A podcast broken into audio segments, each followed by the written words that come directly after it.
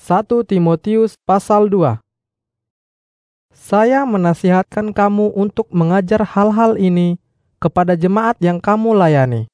Pertama-tama, hendaklah setiap anggota jemaat menyampaikan segala macam permohonan doa kepada Allah demi semua orang, disertai dengan ucapan syukur. Dan berdoalah untuk raja-raja dan semua penguasa pemerintah.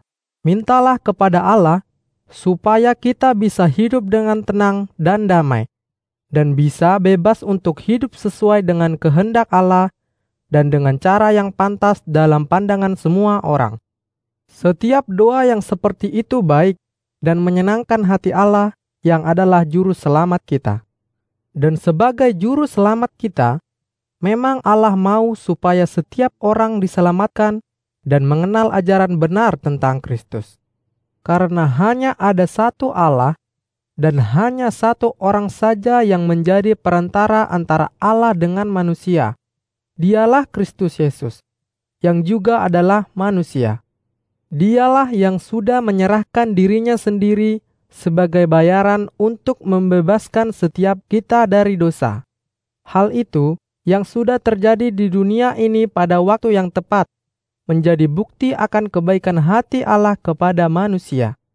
Lalu, saya dipilih sebagai rasul untuk memberitakan kabar baik ini. Dalam kesaksian saya ini, saya mengatakan yang benar dan saya tidak berbohong. Saya diutus sebagai guru bagi orang yang bukan Yahudi, supaya mereka mendengar ajaran yang benar dan menjadi percaya.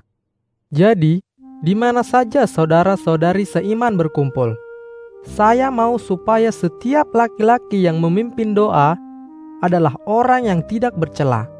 Maksud saya, kedua tangan yang diangkat ke surga waktu berdoa tidak boleh dikotori dengan dosa, dan dia bukanlah seorang yang pemarah dan suka bertengkar. Saya juga mau supaya setiap perempuan berdandan dengan cara yang pantas, dengan bijak memilih pakaian yang sopan dan rapi.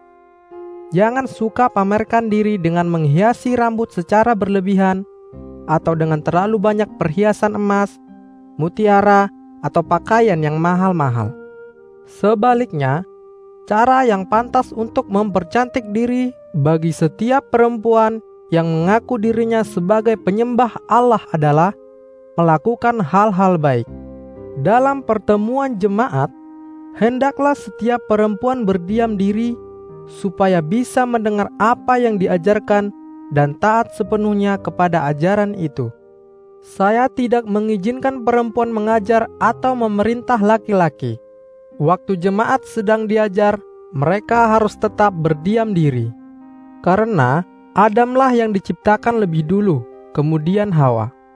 Dan bukan Adam yang ditipu oleh iblis, melainkan perempuanlah yang tertipu, sehingga dia menjadi pelaku dosa yang pertama sekali.